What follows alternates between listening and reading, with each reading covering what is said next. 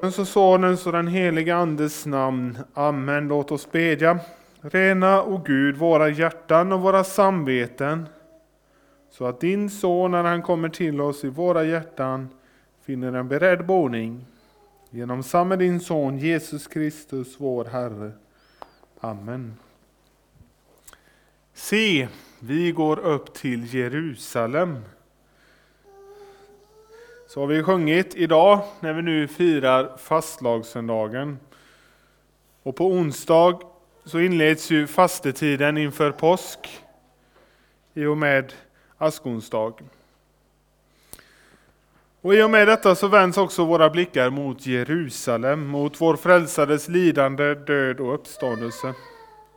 Och ännu ett år så får vi nåden att på ett särskilt sätt höra och sjunga om den kärlek som kostade Gud så mycket och som är så dyrbar för oss. Och Jesus, som vi ska få höra i dagens evangelium, blickar själv målmedvetet ut vägen. Se, vi går upp till Jerusalem. Och det är kärlekens väg, eftersom han går den inte för sin egen skull, utan för din och för min skull. Han går den för att frigöra och frälsa oss från syndens och dödens välde. Han i vårt ställe för att göra oss till sin egendom. Eh, Lukas, som återberättar detta, stryker under att Jesus riktar dessa ord till sina lärjungar. Och till dem räknar han också dig, du som genom dopet och tron hör samman med honom. Och också till dig säger han, se, vi går upp till Jerusalem. Vi går upp till Jerusalem. Det ställföreträdande lidandet, det kunde och skulle Jesus endast göra själv. Men genom att vi tillhör Kristus, eller är i honom, som det till och med talas om i Guds ord, så kallas också vi att i hans efterföljd gå kärlekens väg. Och då vet vi med oss allesammans att det är inte den naturliga vägen för oss. Den naturliga vägen för oss, där står jag, mig och mitt i centrum. Men kärlekens väg, som Jesus kallar oss till, det är tvärtom den självuppoffrande vägen. Vi vet ju med oss att det är mycket lättare att vända bort blicken från min, från min nästa i nöd. Men vad hade det blivit av mig om Jesus vänt bort blicken från mig och min nöd? Hur många gånger har vi inte försummat att gå kärlekens väg? Kanske med undanflykten att han eller hon får skylla sig själv eftersom han eller hon befinner sig i den situationen. Men det var kanske då, just då, som den personen behövde mig som allra mest. Och idag får vi bekänna för Herren Jesus vår försumlighet att gå kärlekens väg, att våra hjärtan så lätt blir hårda. Och vi får göra det med förtröstan eftersom han som kallade oss in på kärlekens väg själv gick den först och att han gjorde det helt och fullkomligt. Den vägen ledde för honom fram till Golgata kors. Och där, där led han för världens alla synder, också för vår hårdhet och vår kärlekslöshet.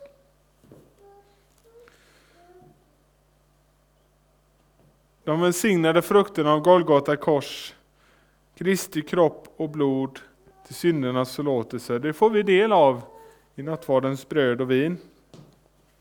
Och det ger oss i sin tur styrka på vår kärleksväg. Att få ta emot de gåvor som betygar att Kristus har gjort vår sak klar inför Gud. Så att vi får tjäna honom i vår nästa utan fruktan. Jesus först och vi sedan. Han fullkomligt, vi bristfälligt, men i hans väldiga kraft ändå välsignat och kärleksfullt. Men låt oss nu därför först be och bekänna.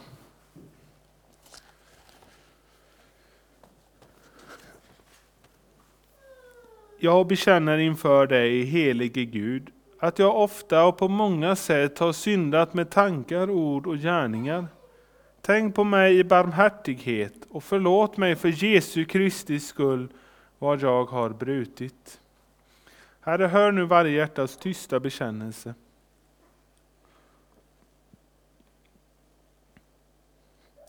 Jesu, Guds sons blod renar oss från all synd. Detta litar jag på och vill ta emot förlåtelsen för Jesu Kristi skull.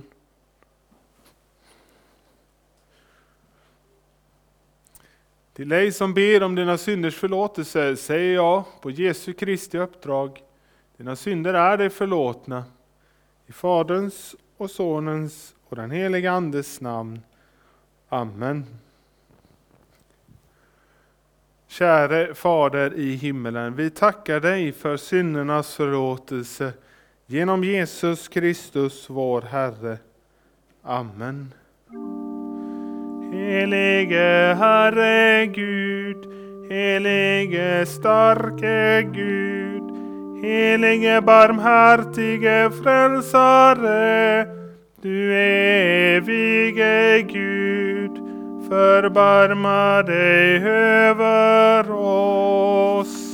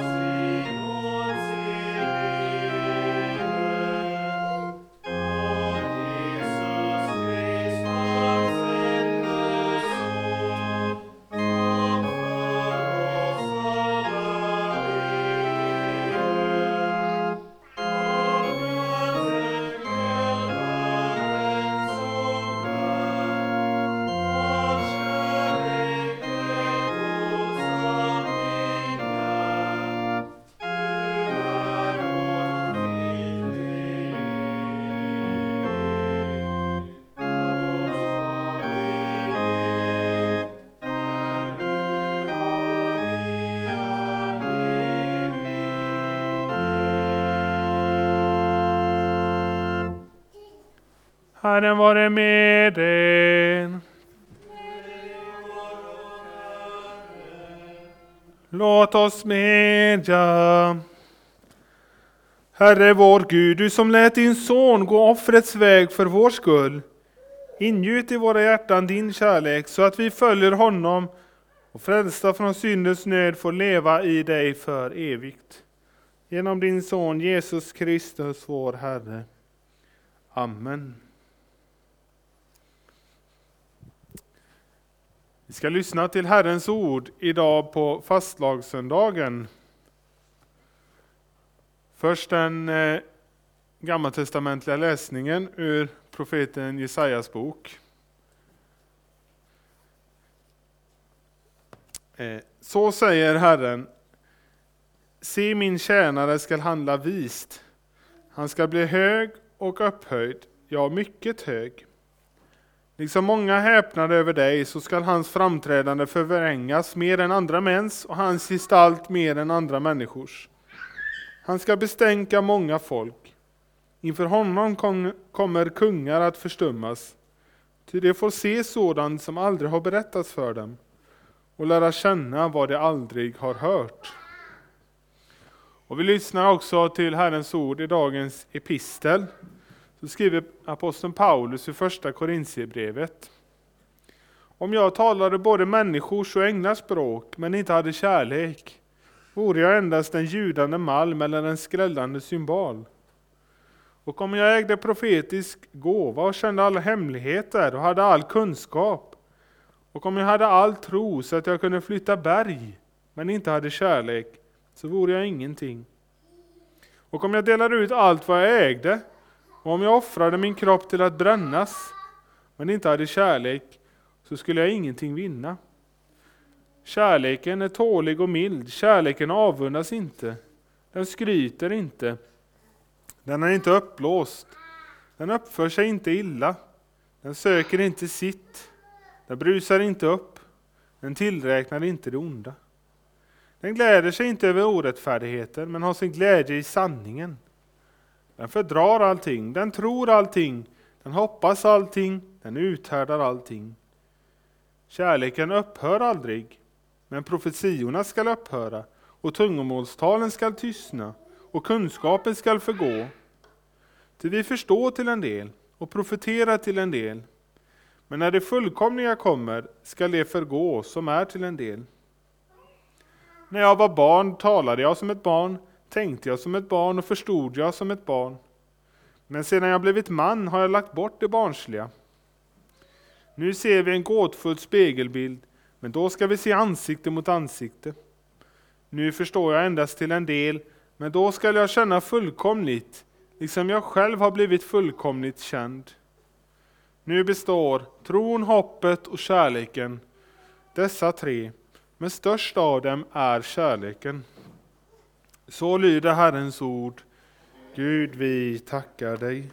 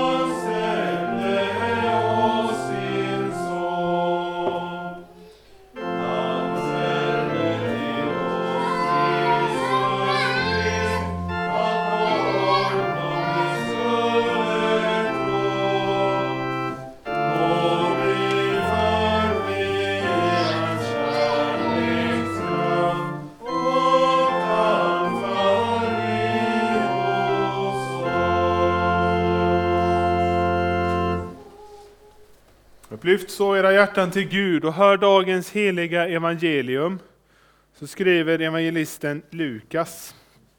Jesus tog de tolv åt sidan och sade till dem, se, vi går upp till Jerusalem, och allt som genom profeterna skrivit om Människosonen skall gå i uppfyllelse. Ty han kommer att utlämnas åt hedningarna. De skall håna och skymfa honom, spotta på honom, gissla honom och döda honom och på tredje dagen skall han uppstå.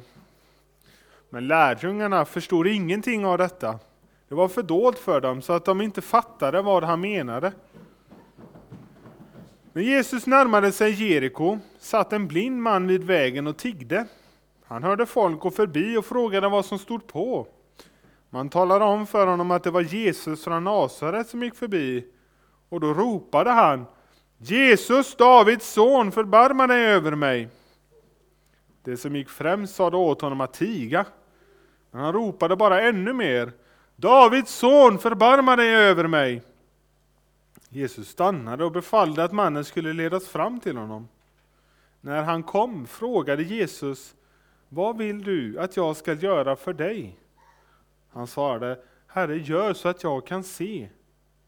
Jesus sade till honom, du får din syn, din tro har frälst dig. Genast kunde han se, och han följde Jesus och prisade Gud. Och allt folket som såg det prisade Gud. Så lyder det heliga evangeliet. Lovad vare du, Kristus.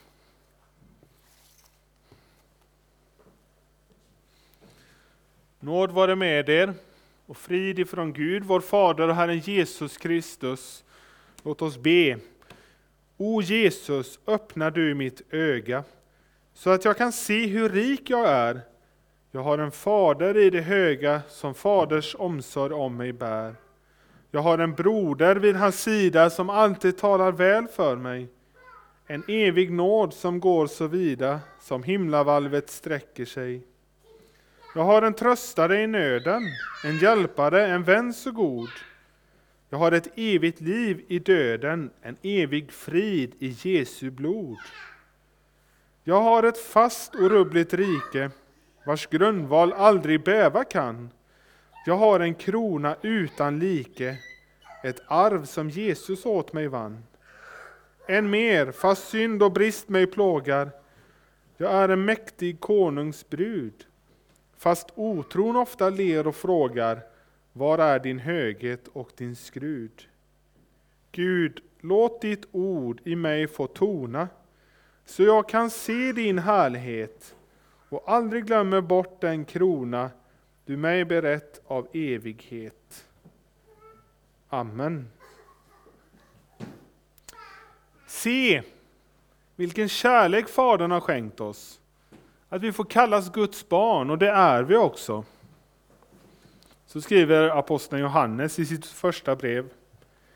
Se! Har ni lagt märke till hur ofta, denna åter, eh, ofta återkommande denna uppmaning är i Guds ord? Se! Se vad Gud gör för dig. Se vem Gud är för dig. Han är din frälsare, som kommer till dig med orden som vi hörde, vad vill du att jag ska göra för dig? Visst är det en underbar fråga att få, och ännu mer när den ställs av den som en gång formade dig och gav dig livet, och som själv har döden och livet i sin hand. Det är han som kommer. Och lika fullt som Jesus frågade den blinde mannen vid Jeriko så frågar han dig idag, här och nu, vad vill du att jag ska göra för dig? Eftersom Guds ord är lika fast och visst idag som alla dagar. Och vi får be med den blinde mannen, Herre gör så att jag kan se.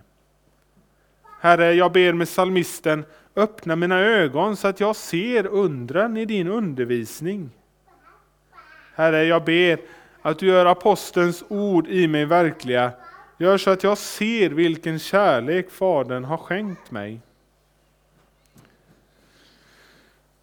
För det är ingen tvekan om att Fadern har visat sin kärlek. Återkommande i Guds ord får vi höra om Guds kärlek. Så älskade Gud världen och också vad den kärleken innebär.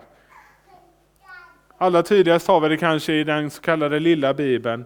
Så älskade Gud världen att han utgav sin enfödde son för att den som tror på honom inte ska gå förlorad utan ha evigt liv. Ja, Gud intygar själv i Jeremia, med evig kärlek har jag älskat dig. Och det var inte endast till en hygglig krets av människor som Gud visade sin kärlek, utan Paulus skriver Gud bevisar sin kärlek till oss genom att Kristus dog i vårt ställe medan vi ännu var syndare. Så Guds kärlek i Jesus Kristus, den är fast och säker. Och frågan vi får ställa oss idag, har du sett det? Förstår du det? Vi hörde lärjungarna förstod det inte där och då.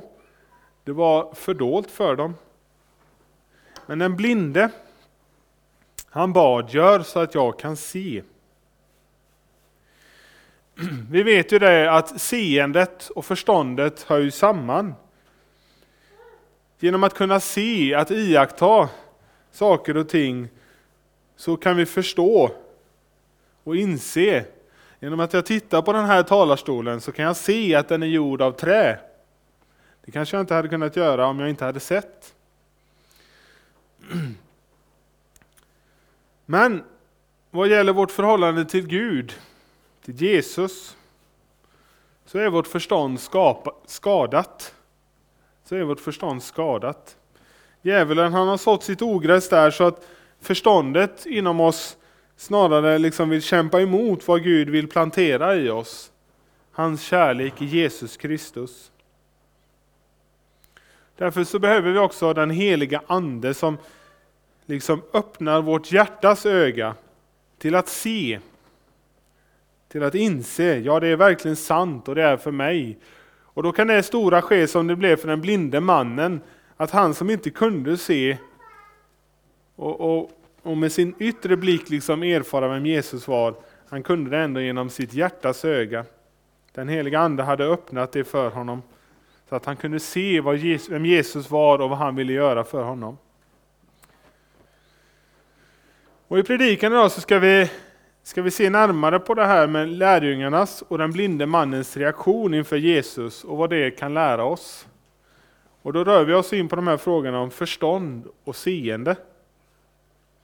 Och först så kan vi gå till lärjungarna och konstatera att vi kan ha ett förstånd men ändå inte förstå.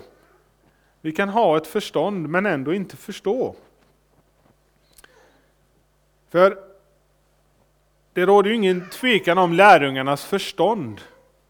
Nog var de förståndiga människor. Visserligen kanske enkla människor, fiskare och, och, och, andra yrkesgrupper och inte hade någon direkt status i samhället, åtminstone många av dem. Men rent språkligt så förstod de ju i allra högsta grad vad Jesus talade om. Det var inget konstigt svammel. Jesus talar klart och tydligt. Och ändå så talas det nästan övertydligt i vår text. Lukas, det är ungefär som att han vill liksom pränta in detta. De förstod ingenting, det var fördolt för dem. De fattade inte vad han menade. Förståndet svek dem. Det kunde inte föra dem ända fram. Och så mina vänner är det med evangelium det glada budskapet om Guds kärlek i Jesus Kristus. Det är som ett kärleksspråk som liksom inte når fram på förståndets väg. Också du kanske kämpar med detta att du inte förstår mycket av vad Guds ord talar om. Vad Jesus säger och gör.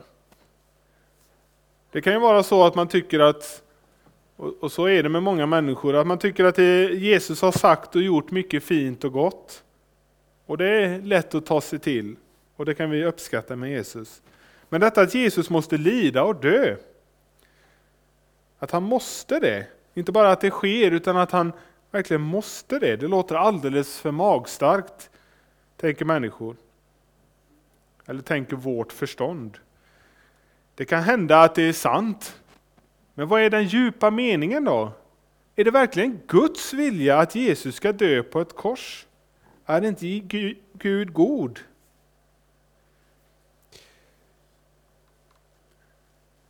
Många av oss har kanske gjort den erfarenheten att det är svårt att nå fram till en annan människas hjärta. Att på ett tydligt och konkret sätt visa för en annan människa att man älskar honom eller henne. Det kanske inte bara räcker att jag säger det med mina ord. Det kan vara ett klart faktum att jag älskar personen i fråga, men det vill eller kan inte riktigt slå rot i den andres hjärta. Och så är det med kärleken. Vi behöver lära oss vår älskades kärleksspråk. På vilket sätt tas min kärlek emot av min älskade? Hur vill den jag älskar att jag ska visa min kärlek? Det kanske inte är på det sättet som jag själv tänker mig. I ännu större utsträckning gäller det Guds kärlek till oss, till dig och till mig. Den som är fullkomlig. Och frågan är, når den fram? Når Guds kärlek fram? Vårt hjärta och vårt, mot, eh, och vårt förstånd, det liksom gör motstånd.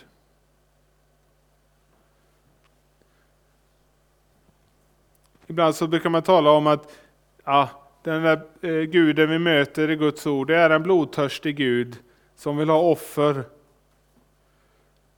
Men det är inte tecken på först och främst en blodtörstig Gud som vi möter i Jesu ord om att Människosonen måste lida och dö. Utan det allra yttersta beviset på Guds kärlek. Ingen har större kärlek än att han ger sitt liv för sina vänner. När vi talar om korset så brukar man tala om att det är det allra yttersta beviset på Guds kärlek och det är också det allra yttersta beviset på Guds helighet. Hur Gud är avskild från allt ont, all synd. Och därför måste döma det strängaste straffet över, över världens synd, nämligen döden på korset. Och samtidigt, när Gud själv tar på sig detta straffet så visar han också sin största kärlek mot människor. Han tar på sig det för att du skulle kunna gå fri. Jesus måste dö för våra synder för att ställa vår relation till Gud, vår skapare, i ordning igen. Och han måste uppstå för att ge oss del av hans rättfärdiga liv, det livet som aldrig dör, som räcker för evigt och som också blir vårt genom dopet och tron. Och detta mina vänner, det är ju verkligen en fullkomlig kärlek. Nu kanske du ändå inte är framme vid detta, att du förstår helt och hållet. Och det gjorde inte heller lärjungarna. Och vi förstår ju också när vi läste i dagens epistel att en sådan övertygelse, en fullkomlig övertygelse, kommer vi aldrig nå fram till i detta livet. Paulus skriver ju så, nu ser vi en gåtfull spegelbild. Men då ska vi se ansikte mot ansikte. Nu förstår jag endast till en del, men då ska jag känna fullkomligt, liksom jag själv har blivit fullkomligt känd. Det vill säga, det är först i himmelens klarhet och ljus som vi ska förstå fullkomligt. Då vi ska se Jesus ansikte mot ansikte. Men, detta att jag inte förstår, det är ingen anledning till att lämna Jesus. Och där är lärjungarna ett gott föredöme för oss. För det står inte att de lämnade Jesus. Många lämnade Jesus, men inte lärjungarna. De förstod inte. Och det var mycket som ännu fattades dem. Och också de skulle komma till korta vid vägens ände där bara Jesus kunde gå ensam fram till korset. Men ändå så gick de vidare med Jesus. Och på vägen med Jesus skulle den heliga Ande steg för steg liksom öppna deras hjärtan för Jesus, så att de också mer och mer skulle förstå Jesu lidande för dem. Och så mina vänner, så vill också Anden hjälpa oss genom Guds ords vägledning att fästa vårt hjärtas kärlek vid Gud och vad han har gjort för oss. Därför, gå inte bort från Jesus för att du inte förstår. Utan be istället den helige Ande att han skulle öppna ditt hjärta ännu mer för ordet och låta ordet få vara din vägledare var dag. För då kommer också med tiden vissheten att växa. Vissheten om att jag vet på vem jag tror och jag vet vad han gör för mig.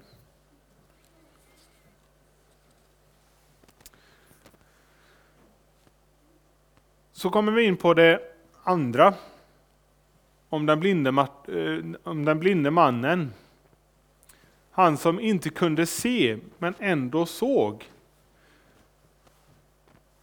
Det vill säga att inte se men ändå se. Att inte se men ändå se. Hur går det till? Ja, den blinde mannen i Jeriko hade till skillnad från lärjungarna aldrig sett Jesus. Och vad vi kan förmoda så hade han antagligen inte hört särskilt mycket om Jesus. Det berättas ju inte att han var någon lärjunge till honom innan, det, innan denna händelse. Men det lilla han hade hört om Jesus, eller hur mycket det nu än var, så hade han tagit det till sitt hjärta. Det är en man som vill och kan hjälpa mig. Det var hans övertygelse. Själv kan jag inget annat än stå här och tigga. Men han kan. Jesus, Davids son, förbarma dig över mig. Davids son, förbarma dig över mig. Så ropade han nästan lite pinsamt. Vi kan tänka oss in i denna situationen. Här står en vuxen man och ropar mitt ibland en stor folkskara efter en annan man om hjälp. Så förmjukande. Det är ju liksom det sista vi tar till, att fråga någon annan om hjälp, eller hur? Så förödmjukande och förkrossande. Jag kan inget, hjälp mig. Men samtidigt i Guds ords ljus och i hans närhet, för här kommer ju Gud själv i Jesus Kristus till honom. Så hoppfullt. För vad, vad kan vi läsa i Saltaren? Jo, Herren är nära dem som har ett förkrossat hjärta och frälsar dem som har en bedrövad ande.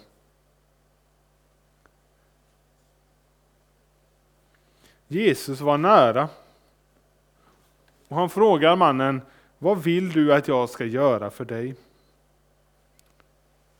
Visste nu inte Jesus om hans nöd? Jo, självklart gjorde han det. Jesus kunde ju se både det som säkerligen var uppenbart, att han var blind, och också att han var fattig. Han stod ju där och tiggde. Men inte bara det, utan han såg ju hela vägen in i den blinde mannens hjärta. Han såg all nöd hos honom. Och ändå frågar Jesus, vad vill du att jag ska göra för dig? Och det visar vilken betydelse Jesus lägger i att vi själva får sätta ord på vår nöd. Vi inte bara uppmanas att bekänna den liksom inom vårt hjärta eller i våra tankar, utan vi får också sätta ord på vår verklighet. Det hjälper oss att med ord säga, och så som vi också gör i vår gudstjänst i inledningen, jag bekänner inför dig helige Gud helige och rättfärdige Gud, att jag har syndat med tankar, ord och gärningar. Vi sätter ord på vår synd, på vår nöd. Och denna syndabekännelse kan göras än mer konkret i bikten. Där får jag sätta ord på det som verkar och gnager inom just mig, så som vi kanske inte kan göra i den allmänna syndabekännelsen. Nu är det inte så att det är bekännelsen i sig, att det liksom skulle vara något särskilt just med bikten i sig som hjälper. Men när jag får höra de förlösande orden från Jesus, dina synder är dig förlåtna, så är det en hjälp att tro och veta att just den synd som tynger mitt samvete på ett särskilt sätt, och som jag nu bekänt, också den är för Kristi blods skull förlåten och kastad på nådens havsbotten. Så bikten, det vill vara en hjälp för oss att tro och lita till förlåtelsens ord, att det gäller också för det som särskilt tynger mitt hjärta. den blinde mannen hade ingen syn. Och också hade han mycket som han inte förstod. Han förstod säkerligen inte förstod säkerligen lika lite som lärjungarna om vad Jesu död och uppståndelse. Men ändå såg han. Han såg att här är Guds kärlek i Jesus Kristus som kommer just till mig. Som vore jag den enda människa på jorden. Han vill ta sig an just mig. Han hjälper liksom inte på ett opersonligt sätt. Liksom kasta till honom en peng sådär i sidan, utan frågar honom. Vad vill du att jag ska göra för dig? Det är min nöd han har för ögonen. Det är mig han vill hjälpa. Det är mig han vill frälsa. Ja, det är inte undra på att det blev lovsång där i Jeriko som vi hörde. Och den kan få ljuda också idag i Alvesta. Jesus är här genom sitt ord och sina sakrament och frågar också dig, vad vill du att jag ska göra för dig? Jesus, han vill bära också din nöd och din smärta. O djup av nåd som synder våra i Kristi död begravit har. Han läker såren djupa svåra och är i domen mitt försvar. Ty Kristi blod i evighet högt ropar om barmhärtighet. När onda minnen mig anklagar och ingen ro mitt hjärta får. Med allt som hopp och mod försvagar jag till min broder Jesus går. Och i hans ljus jag ser och vet att stor är Guds barmhärtighet. Amen. Låt oss så stämma in i kyrkans bekännelse. Vi tror på Gud Fader allsmäktig, himmelens och jordens skapare.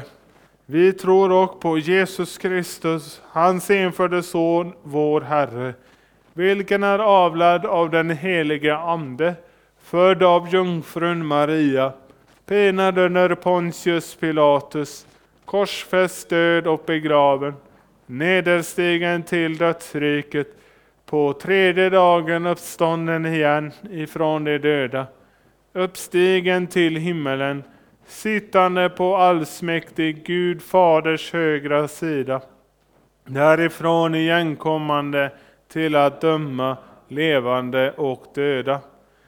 Vi tror också på den helige Ande, en helig allmännelig kyrka, det heliga samfund, syndernas förlåtelse, de dödas uppståndelse och ett evigt liv.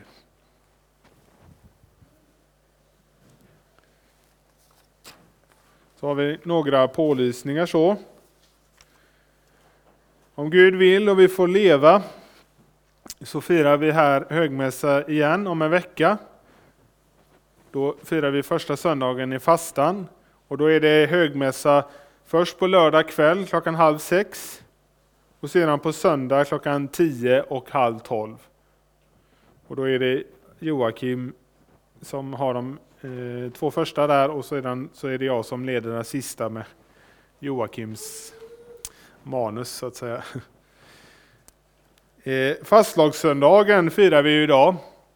Och det är ju av en gammal tradition idag som eh, eh en särskilda Eh, fastinsamlingen börjar. Det, ni känner ju säkerligen till att förr i tiden fanns det något som hette Lutherhjälpen som samlade in stora och viktiga gåvor till nödlidande i världen. Nu finns ju inte det kvar längre, men det finns någonting som heter Nordiska Lutherhjälpen som har velat ta upp detta arbetet och på Guds ords grund eh, eh, bistå lidande, främst lidande bröder och systrar ut över världen.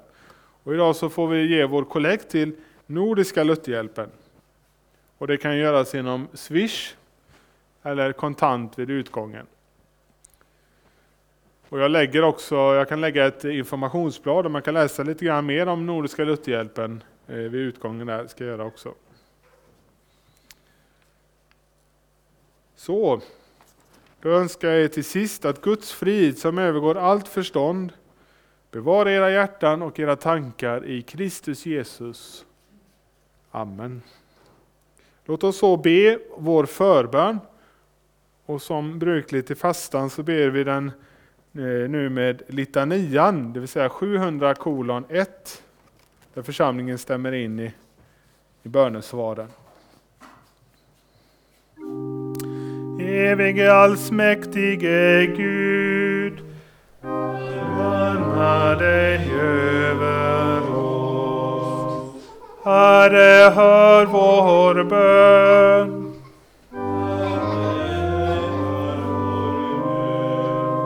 Herre Gud, Fader i himmelen, Herre Guds son, världens frälsare, Herre Gud, du helige Ande,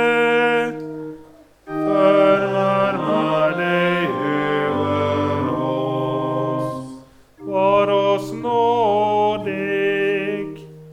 hjälp oss milde Herre Gud. För alla synder, för lögn och villfarelse, för allt ont, för djävulens grymhet och list, för pest och hungersnöd, för krig och världsbrand, för ondskans makter i himlarymderna, för uppror och splittring, för eld och våda, för ondbråd död, för den eviga döden.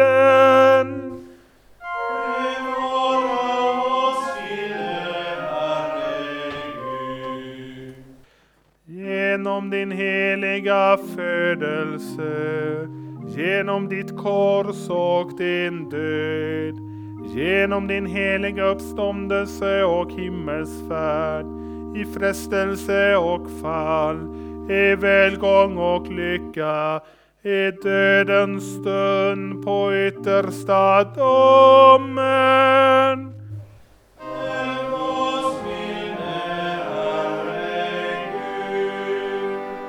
Vi arma syndare beder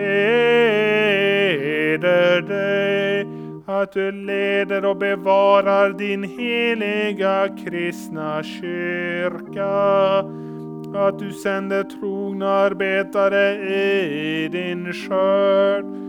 Att du med ordet giver din ande och kraft att du gör ditt namn känt i hela världen.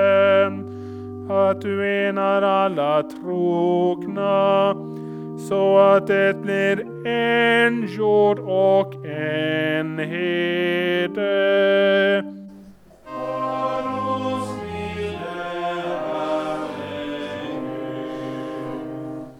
Att du förunnar alla folk fred och endräkt. Att du skyddar och bevarar vårt fosterland. Att du välsignar våra hem och för de unga på dina vägar.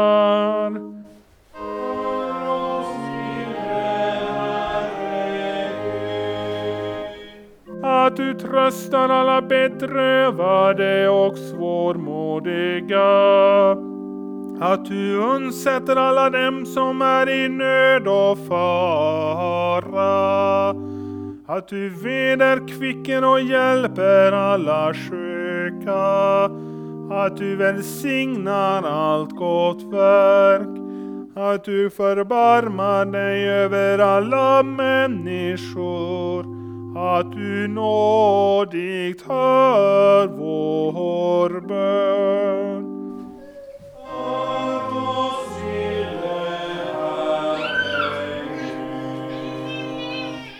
Herre allsmäktige Gud, du som hör de botfärdiga suckar och tröstar bedrövade hjärtan. Hör den bön som vi vår nöd bär fram och hjälp oss så att allt det onda som djävulen, världen och vårt eget kött tillfogar oss genom din Andes kraft blir till intet gjort så vill vi frälsta från allt om till din församling alltid tacka och lova dig. Genom Jesus Kristus vår Herre. Amen.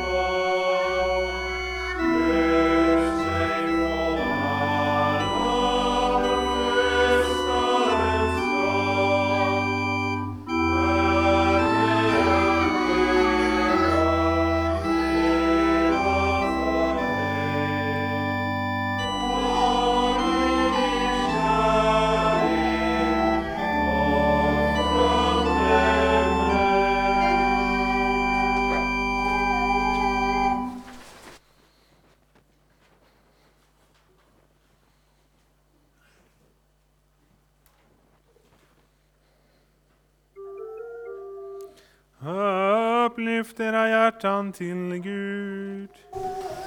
Vi upplyfter våra hjärtan.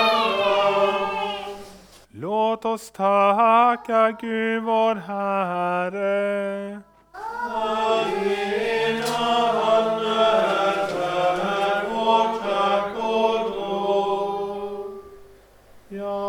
Sannerligen du ensam är värd vårt lov.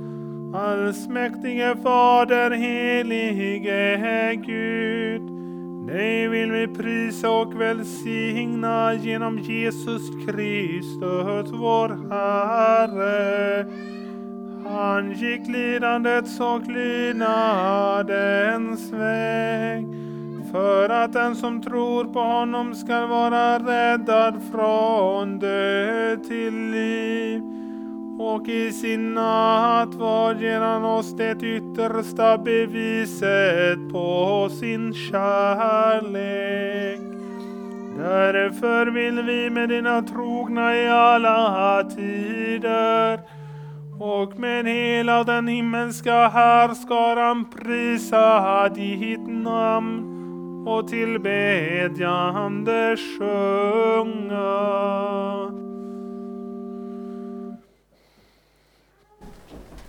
thank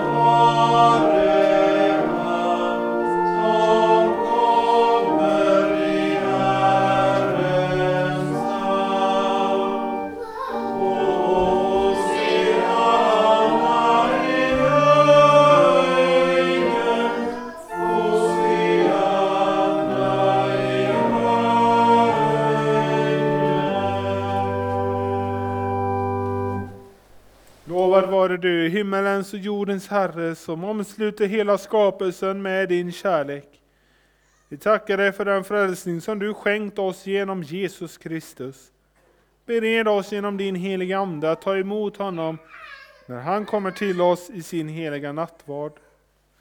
En natt då han blev förrådd tog han ett bröd, tackade och bröt det och gav åt lärjungarna och sade Tag och ät. Detta är min kropp som blir utgiven för er. Gör detta till min åminnelse.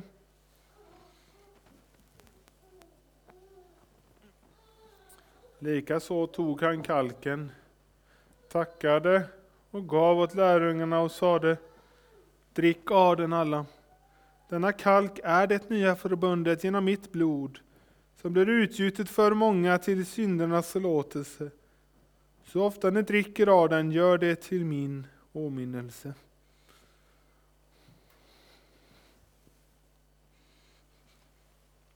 Din död förkunnar vi, Herre. Din uppståndelse bekänner vi till dess du kommer åter i härlighet. Himmelske Fader, skänk oss i denna måltid de välsignade frukten av din Sons lidande och död, uppståndelse och himmelsfärd. Ge oss liv av hans liv så att han förblir i oss och vi i honom. Var för sig och tillsammans ber vi dig nu, himmelske Fader, att förlåta oss våra synder och bevara oss från det onda. Fader vår som är i himmelen. Helgat var det ditt namn. Tillkommer ditt rike. Ske din vilja, så som i himmelen, så och på jorden. Vårt dagliga bröd giv oss idag och förlåt oss våra skulder, så som och vi förlåta dem oss skyldiga äro. Och inled oss inte i frestelse, utan fräls oss ifrån ondo. Ty riket är ditt och makten och härligheten i evighet. Amen.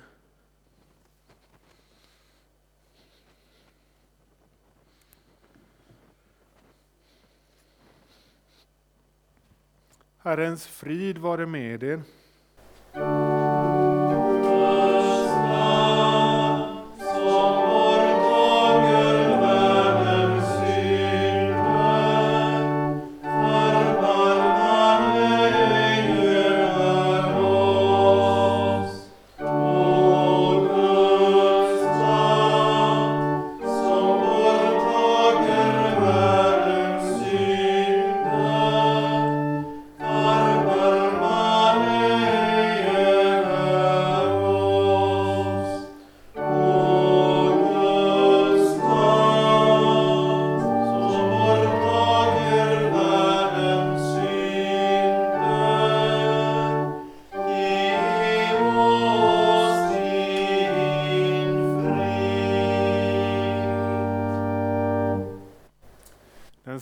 Som ta emot gåvorna genom att jag doppar brödet i kalken och ger kommer fram först. Och den som vill dricka direkt ur kalken väntar till senare. Saliga är de som är bjudna till Lammets bröllopsmåltid. Kom, nu är allt tillrätt.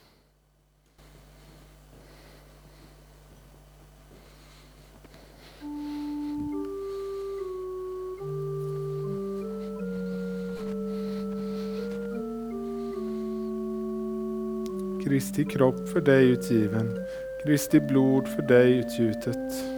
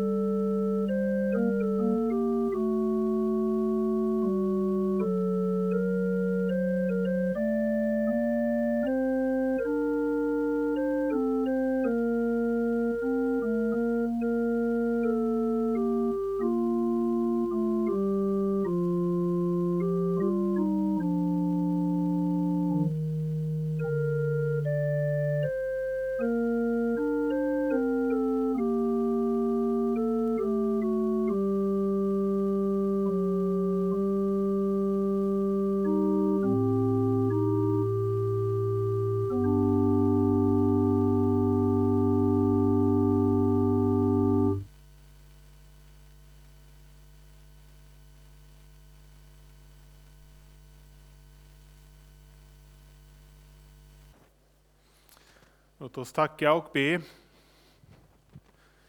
Himmelske Fader, du som med brödet och kalken räcker oss korsets offer. Ge oss kraft att också under lidande och förnedring vandra kärlekens väg som din son. Och så nå fram till den eviga härligheten. Genom honom, Jesus Kristus, vår Herre. Amen.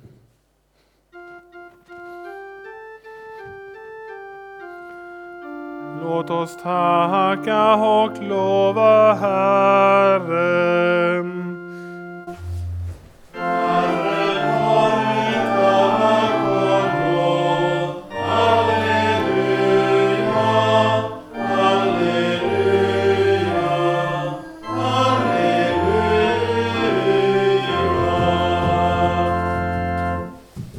Tag emot Herrens välsignelse. Herren välsigne er och bevara er.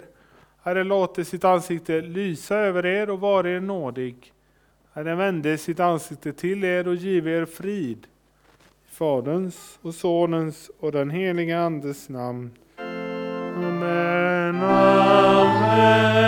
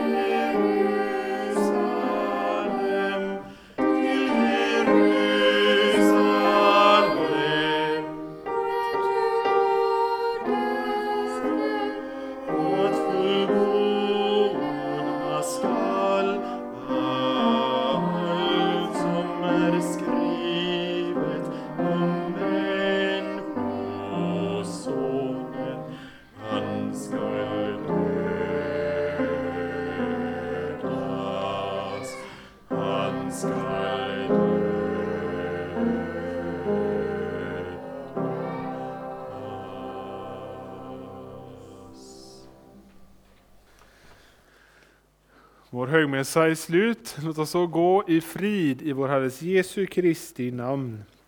Amen. Och jag påminner om möjligheten att ge en kollekt till Nordiska Lutherhjälpen i bössan här vid utgången eller via Swish som också står där vid utgången. Och vi gör så att vi lägger psalmböckerna på höger sida i den sista bänken. Så kan vi ta nya psalmböcker till nästa grupp.